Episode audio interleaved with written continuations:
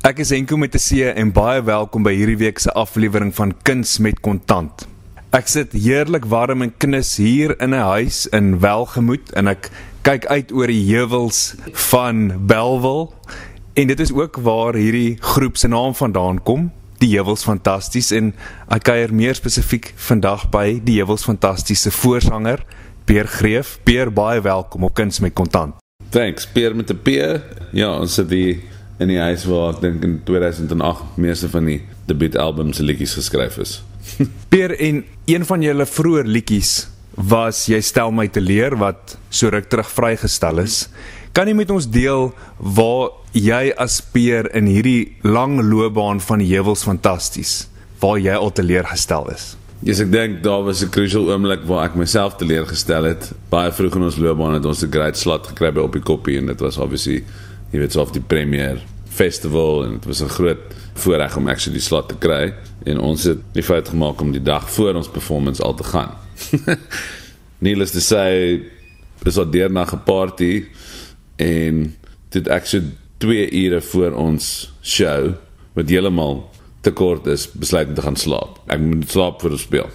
En daai 2 ure het my stem heeltemal geshut down. Obviously 2 ure is nie genoeg om te slaap nie. Almal sê ja, vir 'n goeie rede, 7 tot 8 ure is 'n goeie veelheid.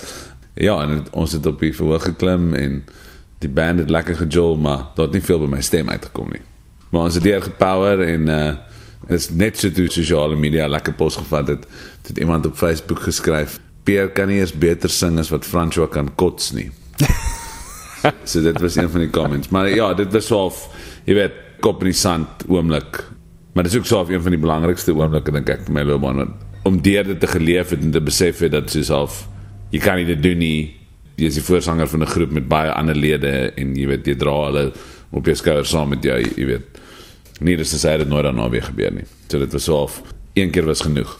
Dit was die een oomblik waar ek myself teleurgestel het. Ek dink jy het gevra waar ander my teleurgestel het. Dit gebeur nie gereeld nie. In 'n 15 jaar loopbaan in 'n band met jy weet verskeie lede het ons almal al ons dae gehad. But I wouldn't say that like each of us have had it more than once. Jy weet ander het sy eendag gehad. Dink dit was in Namibia en Freddie het sy eendag gehad. Ek dink dit was in Heilbron. So uh, you're allowed a, a mulligan soos hulle in golf sal sê. Just fool me once fool me twice wat's daai wat's daai analogy maar you know ek dink nie ons het van die begin af dink ek so of mekaar in die oë gekyk en besef ons is in this for the long haul en so of dinge gaan verkeerd gaan en daar gaan probleme gebeur maar ek dink nie ons het 'n habit gemaak daarvan nie you know toe jy nou gepraat het van die feit dat 'n mens maar 'n mulligan mag kry in golf toe dink ek terug dat jy mense maak foute right mense ja. maak foute maar dit laat my terugdink aan iets wat jy baie graag jare gelede wou gedoen het en jy het toe op 'n toer gegaan onder andere waar jy Paul Simon se Graceland konsert in Londen gaan kyk. Dis waar. Jy het Bruce Springsteen in Dublin gaan kyk en toe Kersie Bekoek Ernie Els se oop sege by die Britse Ope. Ja, dit was 'n complete meevaller om vir Ernie te sien wen. Ek het nie eens geweet die Ope is aan nie. Toe besef ek maar ek is in Londen en dit is aan en my pel sê hy's daar. Hy sê klim op 'n trein, kom net. Ek het nie eens regtig gedink oor dit. Ek was net so, okay, ek sê en vragtig te sien ons om wen en ek bedoel I was dink ek 4 houe agter en Adam Scott het daai massive meltdown gehad. But it just kind of felt like he was destined to win that open. That was an incredible experience. Toe jy nou destyds besluit dat jy wil baie graag Paul Simon se Graceland konsert gaan kyk en ek bedoel dit sal nooit weer gebeur nie. Dit sal hy sal nooit weer 'n Graceland konsert Nee, nee for sure. hou nie. Jy nou besluit jy wil dit in Londen gaan bywoon en toe jy besluit jy wil van daar af Dublin toe gaan Bruce Springsteen kyk. Het jy vooraf 'n lot geld gehad en het jy gespaar vir daai toer spesifiek? Nee, dit was so of, ons was besig dink ek om 'n album te maak.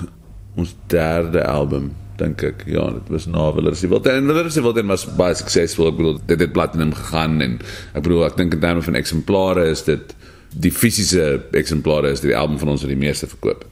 Ek dink dit was met die hype van die eerste album met so die sophomore album so of laat regtig breek het. Maar in elk geval, nee, ek en Hunter ons was daar by die huis wat ons gehuur het in Houtbaai die stadium om hierdie album te skryf en ehm um, hy het so of iewers gehoor dit gebeur en dis ek net soos listen ek bedoel altyd daai ouens Paul Simon en Bruce Springsteen is vir my en vir hom so of from a songwriter's perspective absolute icons you know? En jy weet dit is die groot ding wat ek en Hunter deel is groot liefde vir die craft of songwriting. Ek dink jy weet dis hoekom ons hierdie band begin het en hoekom ons so af weg beweeg het van die normale kind of gitaarmusiek wat ons gemaak het in ons vorige groep. Ons wou juist iets begin wat net fokus op elke liedjie vir daai liedjies onthaalwe ek dink ek het nog gebel. Ek was voor die internet voor Ticketmaster en whatever. Ek het soos op die foon geklim en met 'n Britse agent gepraat en gesê ja nee ek soek tickets vir hierdie konsert. En ek dink hy was 'n reseller dalk want dit was sold out obviously in minute gewees maar hulle het nog kaartjies gehad.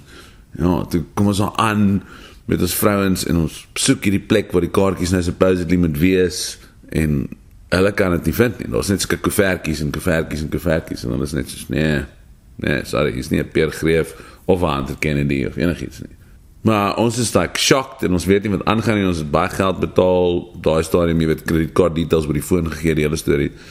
En uh toe kom dit uit dat die Britse agent het my naam verkeerd gehoor en ek is to Pierre Tres in plaas van Pierre Grief. Is ek Pierre Tres. Sure. So dit is toe geskryf B I E R E T R E S S dit is toe my naam wat ek obviously het met G R E E F en P I E R E maar needless to say ons het wragtig ingekom en dit was net unbelievable. Ek bedoel die konsert is obviously oopgemaak deur die Ladysmith Black Mabazo completely a cappella en is toegemaak met Sounds of Silence met Paul Simon op sy gitaar en 60000 mense wat chip still is. And you could hear a pin drop. Jy weet dit was net incredible incredible En ek verstaan heeltemal hoekom jy as Peer Greef vir Bruce Springsteen en vir Paul Simon aanhang want jy self is 'n skrywer en 'n sanger. So ek kan verstaan dat jy baie inspirasie uit dit uitput. Iets waarmee jy ook baie goed is, is ek dink jy's 'n uitstekende entrepreneur want jy het jou eie platemaatskappy Supra Familias. Mm -hmm. En jy's ook 'n vernoot in die baie baie suksesvolle fees Liefde by die Dam. Hoe kry jy dit reg om al daai balle in die lug te hou en nog steeds 'n sukses en geld te maak uit liefde by die dam en uit jou platemaatskappy Supra Familias? Kyk, Supra het begin so of actually meer as 'n kind of means to an end want ons het die buyer van Musica eers ontmoet toevallig deur 'n pel van ons wat 'n platemaatskappy gehad het. Jy weet, hy het al vir Police se albums uitgesit in my eerste band, sy album uitgesit Albert van Rhythm Records daai tyd en hy het ons bevriend met die buyer van Musica, die ou wat actually Afrikaanse musiek aankoop. En ja, hy het self gesê luister, hy is baie opgewonde oor die hele fantastiese projek. Hy het 'n paar demos gehoor wanneer dit reg is met ek om laat weet. So hy is bereid om 1 of 2000 units te bestel vir 'n opening order. Hy sal commit en dit in al die winkels sit. En dit is ek soos great, amazing. Maar dit is ek so of hoe doen mense nou dit? Jy weet en toe breek ek my uit en bel hom en hy sê nee, luister, jy maar maatskappy jy moet 'n werknommer hê, jy moet 'n faktuur kan maak en 'n purchase order en 'n delivery note en daai tipe goeders en, en dan kan ons die stok vat. So eenvoudig is dit. En dis ek sê cool, okay? Shelf company warehouse, maar ek bedoel daar was nie regtig labels wat belang gestel het nie en ek het belang gestel in die idee dat ek nie 'n middelman nodig het nie. Ek het belang gestel van die begin af in soos ons maak die musiek self, ons kan dit net sowel self probeer versprei. En uh, ja, Shelf Company gekoop, werknommer gekry, gelys as 'n vendor toe by Musica en 20000 rand by my broer geleen. Hy is toe aan die workforce. Ek het nog nie regtig ordentlike geld gemaak nie. Ek het so 'n bietjie by Red Bull gewerk, maar ek was toe kind of out of a job en het weer by my maale gebly in Welgemoot. 24, jy weet. So die baie kids maar daai edge doen trek maar eers terug huis toe check wat nou volgende. En ja, die series laat print afgelaai by Musica uit my Honda belaadse boot uit. Die eerste klomp, die hele kar was vol bokse. En jy weet dit hulle het nou van die DC af versprei in die land en na eerste 2000 units het baie baie vinnig gemove en dit was 'n issue want dis dit nou die volgende drukopslag is 5000 dit gaan ek nie met my Honda kan rondry nie. En dit is 'n verspreider gaan sien. Baie basic net verspreidingsdeal gedoen. Ons het nog steeds alles gefinansier Ons het letterlik die stok net laat print en hulle het dit vervul. Dus ons vir baie baie lank actually op daai wicket dat ons met genoeg van cash flow gehad uit die die series wat ons verkoop het om nog series te print en ander kunstenaars te help om albums te finansier. En dis hoe ons vir Jack Barrow toe sy eerste album maak en op jy weet reg van dit het ons vir Franco sy debuut album gemaak en en dit was so of almost we were already plugged in and we could offer them a way better deal than any record label would give them. Maar vertel my dan hoe finansier julle 'n ander kunstenaar as 'n ander sanger na julle toe kom en sê ek wil asseblief die volgende album vrystel of 'n ander musiek vervaardig. Ja, ons het nog altyd gedink so of die record label model is broken, dit vat te veel van die kunstenaar se revenue. So ons het uit die artist point of view af self gegaan. Ek cool, let's keep it very simple. Ons sal die onkoste carry om die musiek gemaak te kry. Jy weet die eksemplare te druk en wanneer ons dit recoup, dan split ons die profit. Goed. So is 'n JV. Jy Ja. weet, so ons het alle besigheid wat ons nog ooit met alle kunstenaars gedoen het, was nog altyd 'n JV gewees. 'n Joint venture. So dit kom daarop neer dat julle sal basies daardie kunstenaar vir die eerste ruk dra en 'n voorskot gee Exactly, ja. totdat daardie musiek daar buite vrygestel word Yes, korrek. en daai musiek dan geld maak. Kyk, ons was gelukkig geweest dat meeste van die projekte wat ons nog gedoen het of actually either gelyk gebreek of dit profit gemaak.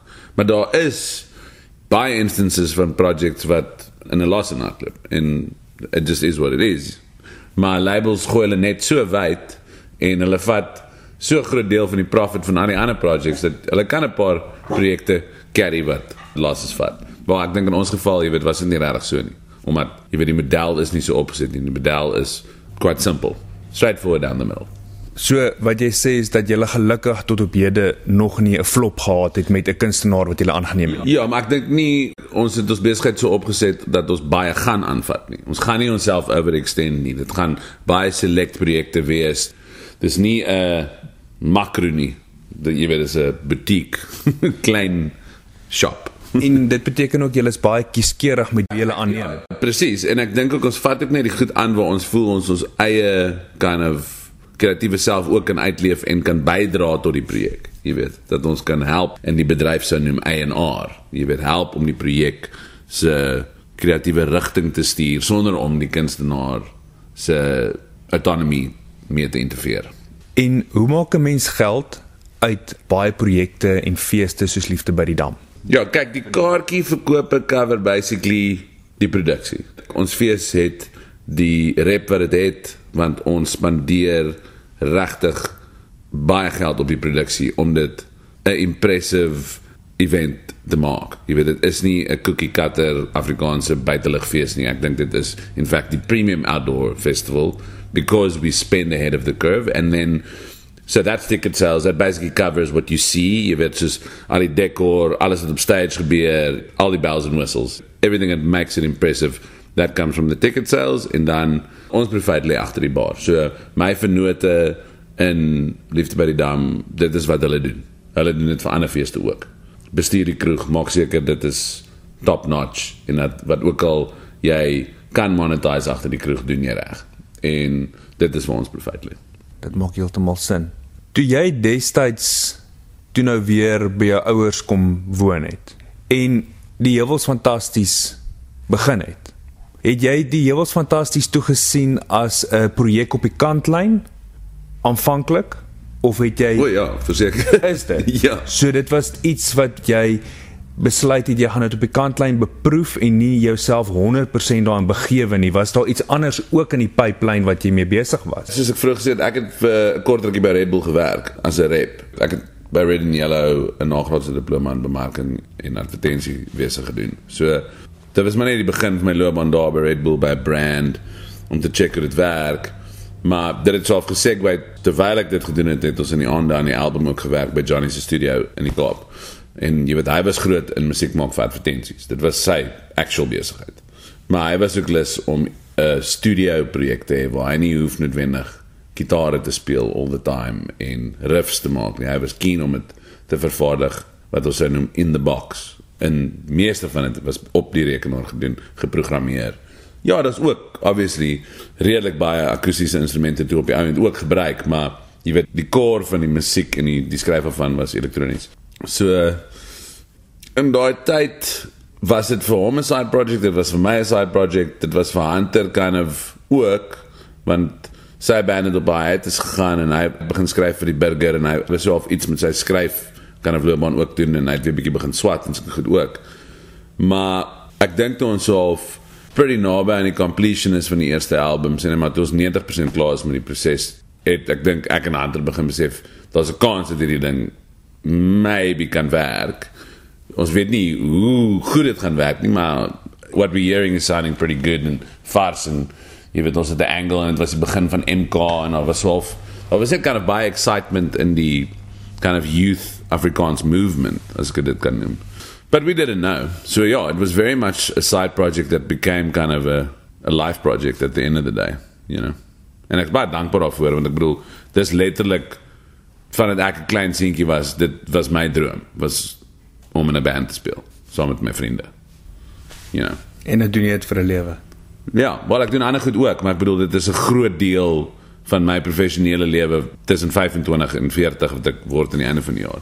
Was hierdie band. Die nucleus het, het daar uitgekom. En ons het vandag 'n single release weer en hierdie hele week was die beplanning daarvan en ek bedoel as ons praat van eksemplare gaan aflaai by Musica, dis nou 'n hele ander wêreld in die streaming age. Om iets te release nou beteken iets heeltemal anders as 15 jaar terug. Die enkelsnitte wat jy vrystel op sosiale media en op al die musiekplatforms waar mense daarna kan luister, is dit maar net 'n manier van bemarking en op die ou ende lei en lok dit aanhangers na vertonings toe en is dit maar by 'n vertoning en deur konstant op die pad te toer waar jy hulle geld maak. Dit is waar vir meeste kunstenaars reg oor die wêreld, dit is waar hulle die bulk van hulle inkomste maak. So Ed Sheeran van die 100 miljoen pond wat hy maak, maak hy probably 80 miljoen op die pad. Maar moenie daai 20 miljoen weggooi nie. En ek bedoel hy het critical mass gehad, maar dis nog altyd waar vir kunstenaars. Jy maak 'n groter deel van jou inkomste op die pad, maar wat nou kan of gebeur het wat interessant is vir ons ons katalog is so diep al, daar's al oor 100 liedjies en ons het 'n redelike goeie suksesratio gehad in terme van die 80-20 rule, jy weet, so 20% van die liedjies doen die heavy lifting.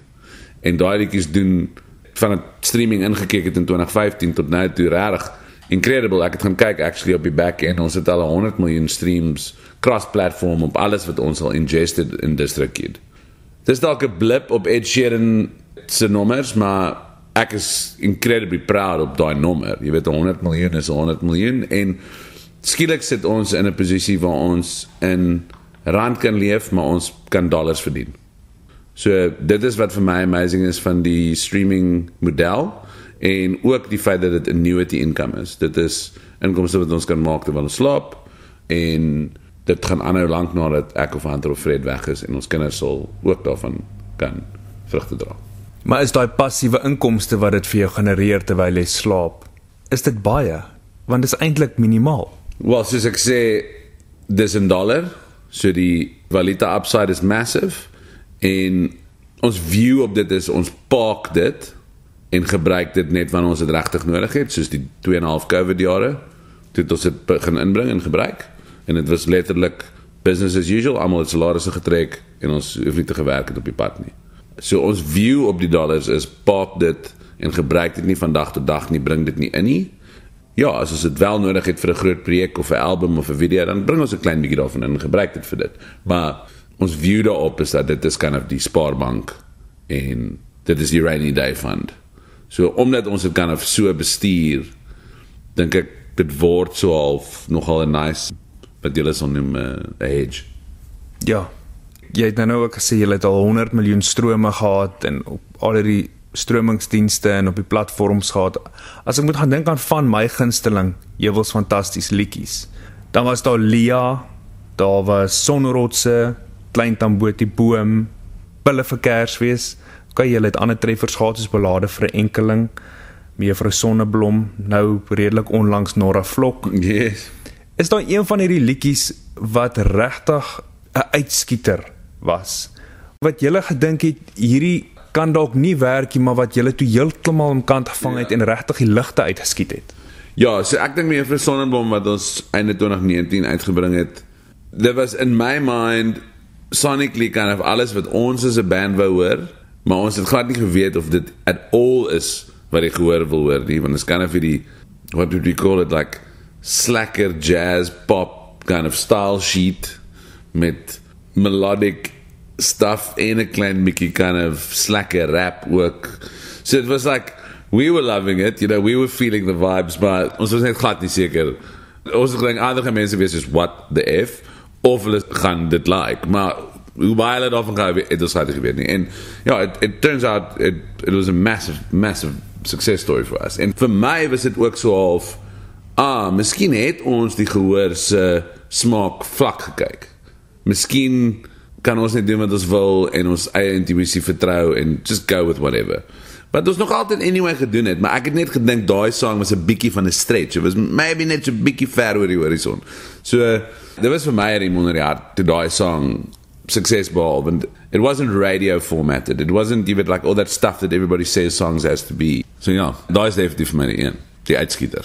En vertel vir my oor die samewerking tussen julle en Connie de Villiers toe julle Victoria Bay opgeneem het. Ja, yes, dit was eintlik nogal 'n natuurlike uitvloeisel want ons het way back saam met hom 'n song gedoen op ons tweede album Villiers die Wildtuin, Wonderbewoner, wat 'n amazing collaboration was want ons het net die koor gehad en hy het al die verse geskryf. Dit was 'n true collab. En dit het ons pelle geraak, hy het vir Hunter getrou en en so aan en ons het baie in daai tyd gepraat oor ander kunstenaars wat ons revere en so aan en vir my is dit Lucas Maria. Dit is my ultimate favorite Afrikaans kunstenaar of all time. Die Kikkies konsert spesifiek live album net hy en sy gitaar is vir my die beste Afrikaanse album of all time en dit het onlangs eers begin stream waar ek baie dankbaar is. Ja, we kind of spoke en toe sê hy sê ja, maar hulle was baie goeie vriende gewees en ek het hom toe ek 16 was gelukkig dan live gesien voor hy oorlede is en jy weet he left an incredible impression on me as a as a young artist en dit ek net so of kan ek onthou daai gesprekke wat ons gehad het dat hy en Connie vriende was en en en en en en Fred het die song gehoor op pad atelier toe en hy was net soos ouens ons moet hierdie song cover hy het op RSG gehoor en ons was eintlik daar om 'n ander song op te neem en hy was net soos nee ons gaan vandag 'n version van hierdie song maak in ons vibe. Hy wil dit net doen. Hy was net so trust my dis wat ons gaan doen vandag en ons het regtig soos in 5 of 6 ure gewax gehad. There it is. Daar's hy basically wat jy hoor opgeneem en dis ek net just eins maar kon nie vir Lukas geken. En like come on kom ons bel hom net en hoor of hy sal keen wees stuur vir my demo en hy het my dadelik teruggebel sê oh, what an incredible idea what a version of the song what a time to do it let's go en dis hy anyway toevallig in die Kaap die volgende 2 weke iewers en gou-gou toe studio dag geboek en ja vocals gedoen en klaviere en and that was it it was really like daai song is ek ook kind of net so bly dat Fred het net in daai ingewing net gegaan ons moet dit doen. We just have to do it. You know, like it wasn't something that we at all planned to do. You know, dit was rarig net soos 'n lekrake kind of musical happening. En ek is bly Fred het op baie oomblik RSG geluister en toe die Ja, liedjie nee, gehoor. hy luister dit religiously op pad studeer toe. Dis sy commute. Listen. Daai liedjie wat julle toe saam met Koenie opneem, het julle baie mooi musiekvideo ook opgeneem. Net hier naby waar Koenie deur die bos en deur die woud stap met 'n ou kasseitspeler en oorfone op sy kop. Ja. En jy kan sien hy geniet om net gou dit was 'n fantastiese dag. Ons het 'n lekker weer gehad. Ons het net so cruising around hier by dat Manus in Stanford en ons was net so half net op so lekker kind of somer mission. Visie gebraai, bier gedrink, pizza geëet. Dit was net 'n top dag wat ons kind of afgeneem het. En het ons gelukkig by Lucas se vrou die archival original Victoria Bay footage gekry op VHS wat ons toe laat digitize het en jy weet hoe kan ons hierdie kind of pastiche maak van die twee wêrelde. Dit was eintlik eintlik baie special. Peer met jou ouers wat so naby aan jou woon, is daar iets wat jy as kind by hulle gesien het oor hoe hulle te werk gegaan het met hulle finansies wat jy vandag toepas in jou eie lewe? Ek dink dit was baie duidelik vir ons as kids dat my maale het alles wat daar was geallokeer aan ons verbetering. Ons as kinders. That was their view. And maybe even to a fault. Nothing was ever too much to ask. As jy gevra het vir 'n nuwe musiekinstrument en dit was 'n DJ en dan was dit so cool gee my net 'n oomblik om te spaar voor maar ons gaan vir jou een kry. Want hulle deal met ons was net soos jy moet 'n musiekinstrument speel maar dit maak nie saak wat se een nie en jy kan enige tyd verander maar jy moet een speel Dit was nie jy het begin met klavier jy gaan nou klaarmaak met klavier nie. As jy in die middel van die klavier storie wil ophou en gitaar te gaan go for it of whatever. En so het ek baie rondgehop tussen klavier en blokfluit eers en toe wens ek gitaar en toe bietjie sing en so. Maar my broer het gestiek by saksofoon en klarinet en hy het die Lego Lambrechtstring gedoen en hy was baie meer regimented in sy day en hy het baie geniet om in ensembles te speel en so. Ek dink is nogal 'n fout. Ek dink die baby boomers het nie regtig met hulle kinders gepraat oor finansies per se nie. En dis dalk iets moet ek dink ek weet my seun is nou nog bietjie klein, hy's 5, maar ek dink dit is probably a good idea to instill kind of prudent stuff in them from a young age. Ek en my vrou het besluit om net een kind te hê. Soos baie mense in die moderne lewe as gevolg van jy weet die financial pressures en dis baie moeiliker om die lewensstandaard wat jy gehad het te probeer replicate. So one and done en soos Elon Musk gaan die wêreld tot einde kom want daar's 'n negatiewe bevolkingsaanwas reg oor die wêreld and maybe he's right. I don't know. Maar dit is die realiteit. Jy word aan die einde van hierdie jaar 40. Gesels die 40-jarige peer ooit baie keer met die 80-jarige peer en kyk na hom en dink oor besluite wat jy vandag op 40 neem oor hoe jy eendag gaan omsien en die 80-jarige peer versorg eendag soos almal het ek te laat begin spaar, maar ek, ek het te laat begin spaar want ek het te laat vir dit geld begin verdien sodat ek kon spaar. Maar as dit ek kan spaar en die vermoë het om te kan spaar, dink ek ek was redelik suksesvol daarmee. Ek ek bedoel mense kan altyd meer spaar, dit is daai classic ding. Maar as jy praat van my 80 jarige self ja, as mens nou by die halfway point is, ek dink ek het dinge al klaar kan have opgeset waar ek kan myself sien daai ouderdom wees en hopelik okay wees, maar dit gaan harde werk wees vir die volgende 10 tot 15 jaar om dit te verseker, jy weet. Nothing comes for free, veral nie in die retirement planning game nie. Jy moet prudent wees, jy moet jou kant van die saak doen. Hopefully man.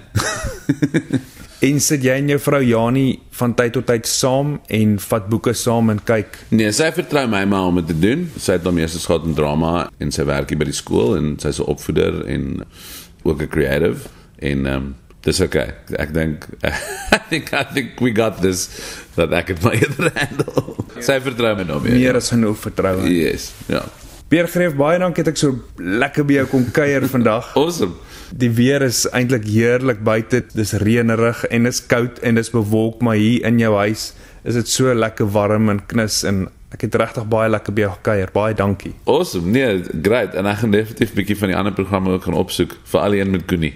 Koenie sal dit waardeer. Ons kan 10 teen uitspeel met Victoria Bay. Lekker. Waar die heuwels fantasties saam met Koenie de Villiers gesing het. Thanks. Ja, ek glo die formaat. Ek dink is great en ek dink wat dit actually awesome maak is jy het uitgefigure hoe om 'n moeilike topic so mooi te compact en dit bite size en easily ingestible te maak. Dink it's not easy to do. So, klein bietjie uit, baie cool man. Pierre baie dankie.